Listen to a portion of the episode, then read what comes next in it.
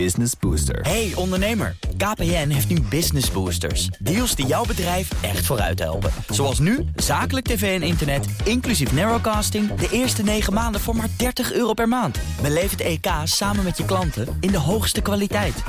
Kijk op kpn.com slash businessbooster. Business Booster. Is vier over half vijf. Er is een enorm tekort aan woningen en de huizenprijzen staan op recordhoogte. Wat moet het komende kabinet na de verkiezingen doen om de woningmarkt uit het slop te trekken? Dat vragen we aan Onno Hoes, voorzitter van de Nederlandse Vereniging van Makelaars. Welkom in de uitzending. Even kijken of Onno Hoes aan de... Ja, oh, ik ben nog. Ja, sorry. Ik dacht dat Ja, nee. Wat was u aan het doen? uitzending. Wat was u aan het doen? Dat begint goed. Ik zit gewoon te wachten. Ik denk, je zegt tegen iedereen die luistert, welkom bij de uitzending. Ja, nee, ja, nee, dat hadden we al lang gedaan. Maar dit is een persoonlijke welkomstboodschap voor u, meneer Hoes. Dank u, dank u, dank u. Ehm, dank u. laten we even vooruitblikken tot na de verkiezingen. Daarover gesproken. Ja. Ehm, een aantal OMT-leden speculeert over het uitstellen daarvan vanwege corona. Wat vindt u daarvan? Nou ja, dat lijkt me op zich niet handig. Eh, eh, want de problemen in Nederland, ook buiten corona, zijn zo groot dat je gewoon ook het recht hebt om weer een kabinet te kiezen. Het is enerzijds ook een waardering voor wat er de afgelopen eh, jaren gebeurd is, in positieve of negatieve zin. En het is het beeld wat je voor de toekomst hebt. Dus je wil wel politici in een kabinet hebben zitten en in de Kamer hebben zitten, ja, die nu heel actueel ja, aan jouw wensen voldoen. Dus ja. Ja, dat is een- op alles zetten zou ik zeggen om verkiezingen door te laten gaan. Ja, want het is een prachtige overigens eh, eh, definitie van waarom verkiezingen nuttig zijn voor de democratie. Maar toch dat OMT, een aantal Ja. OMT-leden speculeert openlijk over het uitstellen daarvan. Eh, de- de- Wat vindt u daarvan? Dat doen ze niet zomaar, toch? Ja, weet je, dit heeft mij ook wel eens verrast, laat ik het zo zeggen, dat mensen uit het OMT over wat ze aan het kabinet adviseren, want daarom zitten ze daar toch, dat ze daar ook over in de publiciteit treden. Maar ja, goed, dat maken we nu al een jaar lang mee dat ze dat doen. Vindt u dat zou handig? denken, je adviseert aan het kabinet en het kabinet doet er iets mee of ze doen er niks mee. Maar om dan ook nog eens weer buiten het kabinetsadvies eh, je eigen mening over te gaan ventileren. Nou, ja, het wordt een beetje ingewikkeld soms voor de mensen. En zeker op zo'n onderwerp als dit, waar ze natuurlijk echt helemaal niet over gaan. En volgens mij kun je de verkiezingen echt heel goed eh, eh, organiseren met voldoende afstand. Nou ja, ze zeggen, het heeft gewoon risico's en die moet je becijferen. Ja, Nou ja, je mag rustig alles becijferen natuurlijk. Maar eh, als je ziet. Weet je, ik heb natuurlijk in mijn burgemeesterstijd van Maastricht en Haarlemmermeer genoeg stembureaus eh, bezocht op de dagen van verkiezingen. En dan zie je dat je prima die afstand kunt houden. Je kunt prima ventileren. Eh, je kunt heel rustig de mensen gedurende de hele dag binnenlaten. Er wordt nu al gekeken naar heel veel mensen die schriftelijk gaan stemmen. Nou, dat scheelt dan een hoop voor de wat oudere mensen. Dus ik denk dat je het op een hele veilige manier kunt doen. Maar goed, laten we even afwachten wat het kabinet en de kiesraad met elkaar beslissen. En ja, OMT kan altijd een advies geven natuurlijk. Daar staan ze vrij in. Ehm, laten we even naar de woningmarkt gaan. U noemt woningen bouwen Ja. een oplossing. De politiek die roept al jaren, ik zou bijna willen zeggen decennia, dat er gebouwd moet worden. Wat moet er, wat u betreft, gebeuren? Willen we die bouwdoelstellingen voor de verandering, zeg ik erbij, wel halen de komende jaren? Ja, dat, dat, dat is een goede zoals je, het, eh, zoals je dat inkleden bent. Ehm, want het was al jarenlang de bedoeling om 75, 85.000 woningen per jaar te bouwen. nou, uiteindelijk lukt het steeds niet. Dat betekent dat het tekort zo hoog opgelopen is naar nu ruim 300.000 actueel op dit moment. En als je het gaat doortrekken naar 2030, 2040, dan heb je een miljoen woningen nodig. Ja, dan moet je er dus bijna 100.000 per jaar gaan bouwen. Precies. Nou, met het beleid van de afgelopen jaren eh, eh, heb je dus niks in handen. Dus dat betekent dat je vanuit het, vanuit het Rijk, vanuit het kabinet, echt als marktmeester moet optreden. Want daar waar de lokale, provinciale overheden samen met ontwikkelaars en bouwers er niet uitkomen, ja, daar moet het Rijk dan toch de doorslag gaan geven. Dus die zullen met eh, de stok het land in moeten om te zeggen: gij zult bouwen. Precies, dus het Rijk moet dat meer doen dan op dit moment de provincie en de gemeente. Begrijp ik dat goed?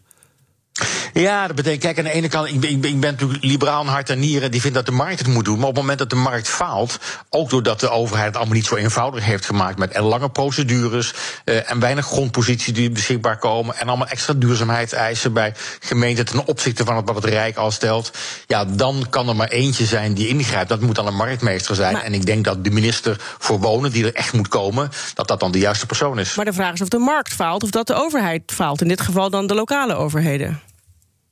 Nou ja, in die, in die gezamenlijkheid faal je. Want het is inderdaad de bouwmarkt waar zowel de overheid als particulieren uh, actief zijn. En in, de, in, in, het samenspel daarvan gaat het wel mis. Um, en je ziet dat natuurlijk in het hele land. Uh, dus het is niet één gemeente of één provincie waar het niet goed gaat. Maar je ziet overal dat er en veel te veel eisen zijn. Waardoor de woningen ook steeds duurder worden, steeds ingewikkelder om te bouwen. En dat er steeds te weinig locaties zijn. En ik denk in de komende jaren, als je zoveel moet bouwen, moet je naar hele grootschalige locaties. En dan moet je eigenlijk terugdenken aan de periode van Jan Pronk en Ed Nijpels. Toen hadden we de Finex-wijken. Ja, precies. Uh, en dat is eigenlijk wel de slimste oplossing om heel grootschalig te gaan bouwen. En dan kan het Rijk dus in samenspraak met gemeentes en provincies zeggen: dat zouden de grote locaties zijn waar je ook infrastructuur, landschap, milieu enzovoort op een goede manier gaat integreren. Dan ga je grootschalig bouwen.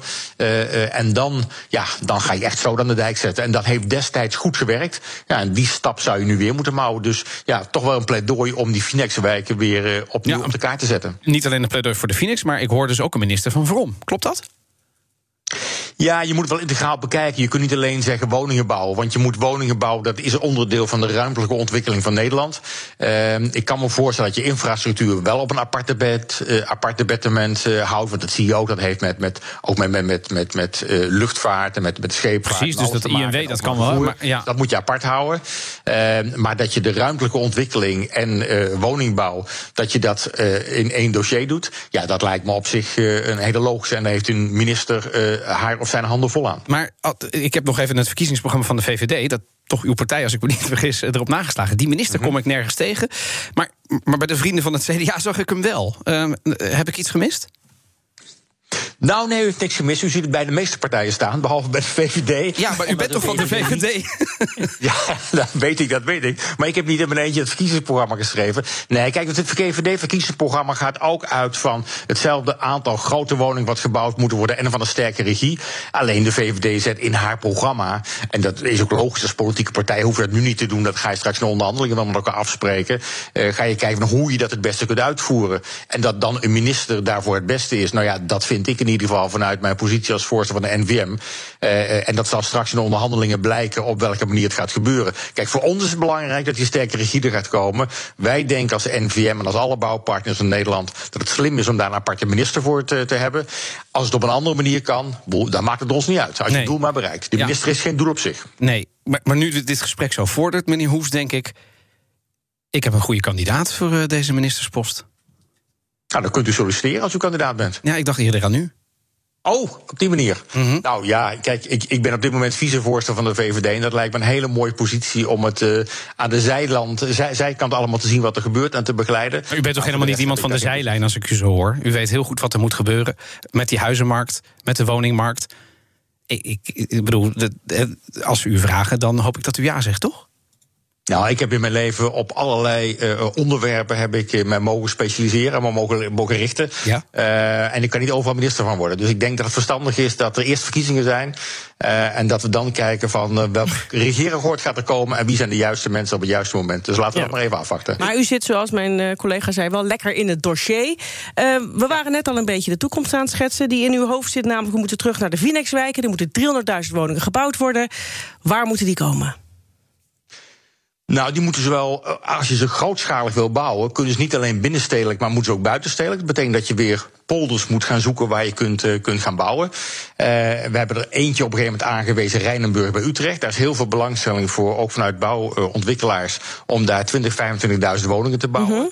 De gemeente zelf wil daar liever een grootschalig uh, duurzaam energiepark uh, aanleggen. Ja. ja. dat zijn keuzes die op dit moment echt bij de gemeentes liggen. Ja. Maar heeft u uh, nog een hete aardappel waarvan u denkt, oeh, of zo'n meloen, of hoe ze het ook willen noemen in politiek Den Haag? Iets, iets wat lastig wordt door te slikken voor, voor Nederland? Omdat nou ja, da daar wil ik wel nou graag bouwen. Nou ja, kijk, dit soort locaties, daarvan zou je dus in de middel van het land dus een kwart van je jaarbehoefte neer kunnen leggen. Alleen de minister heeft gezegd van ja, er zijn nog heel veel kleine locaties. Nou, over het algemeen zijn die veel duurder om te ontwikkelen. Plus er is geen infrastructuur. Nou ja, daar moet je dus met elkaar naar gaan kijken hoe je dat gaat financieren. En ik denk dat er uiteindelijk altijd oplossingen zijn als je het met elkaar wil. Ja. Er is geld genoeg in Nederland, ook bij de particuliere Maar ik hoor dus nog geen, ik hoor nog geen grote visies of vergezichten van nou daar moeten we nu gewoon gaan bouwen en groots ook. Nee, maar, dat, maar dat, dat dat zou ook wel erg arrogant zijn als wij als NVM zouden zeggen: daar moet je het per se doen. Het belangrijkste is A, dat je de aantallen haalt. En B, dat ze ook vraaggericht gebouwd worden. Dus dat betekent dat je. Ja, precies, want die moet je wel kunnen verkopen. Ja, je moet ze wel kunnen verkopen. En nu zijn we een aantal gemeentes die heel veel in een duur appartement aan het bouwen zijn binnenstedelijk. Terwijl die dus relatief lang leeg blijven staan, wat niet iedereen het kan betalen. Een nieuwbouwhuis is gemiddeld 410.000 euro. Nou, dat is echt niet aan iedereen gegund om dat te kunnen betalen. En zeker niet in deze periode waar we nu in leven. Dan moet je echt opletten dat je gewoon goed kwalitatief kunt bouwen. Misschien veel meer industrieel kunt bouwen. En daardoor een redelijke prijs hebt. Mijn gast is Onno Hoest, voorzitter van de NVM.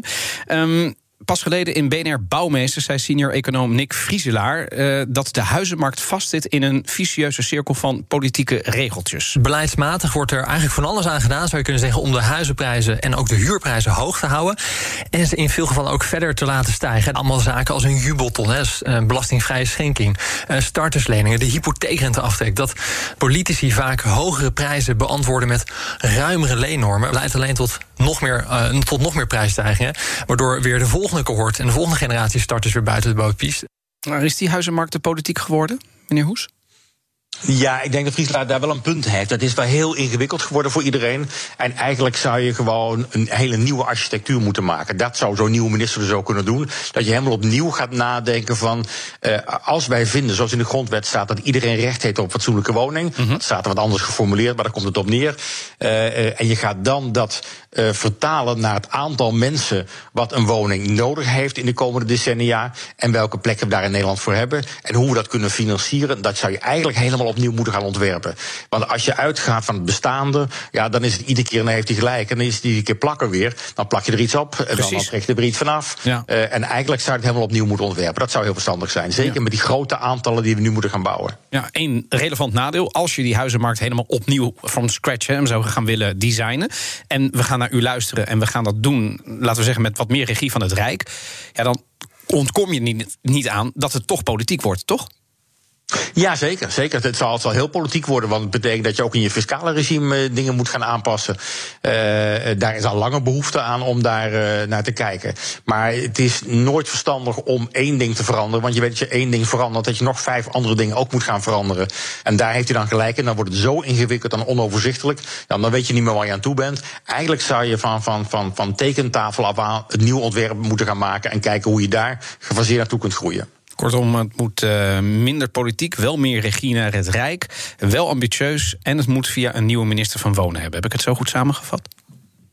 Ja, Hadden we ook een eerste minuut kunnen doen. Ja, goed nou, gedaan. Ja, ja, dat was wat minder gezellig geweest. We spraken, Zo is het maar net. We spraken Hoes, de voorzitter van de NVM. Bedankt. En uh, dit gesprek dat zetten we zo online op bnr.nl slash topgast. We hebben elke dag zo'n topgast, dus je vindt daar veel goede gesprekken. Uh, of zoek op topgast in de aloude BNR-app. Hardlopen, dat is goed voor je. En Nationale Nederlanden helpt je daar graag bij. Bijvoorbeeld met onze digitale NN Running Coach... die antwoord geeft op al je hardloopvragen. Dus, kom ook in beweging. Onze support heb je. Kijk op nn.nl slash hardlopen.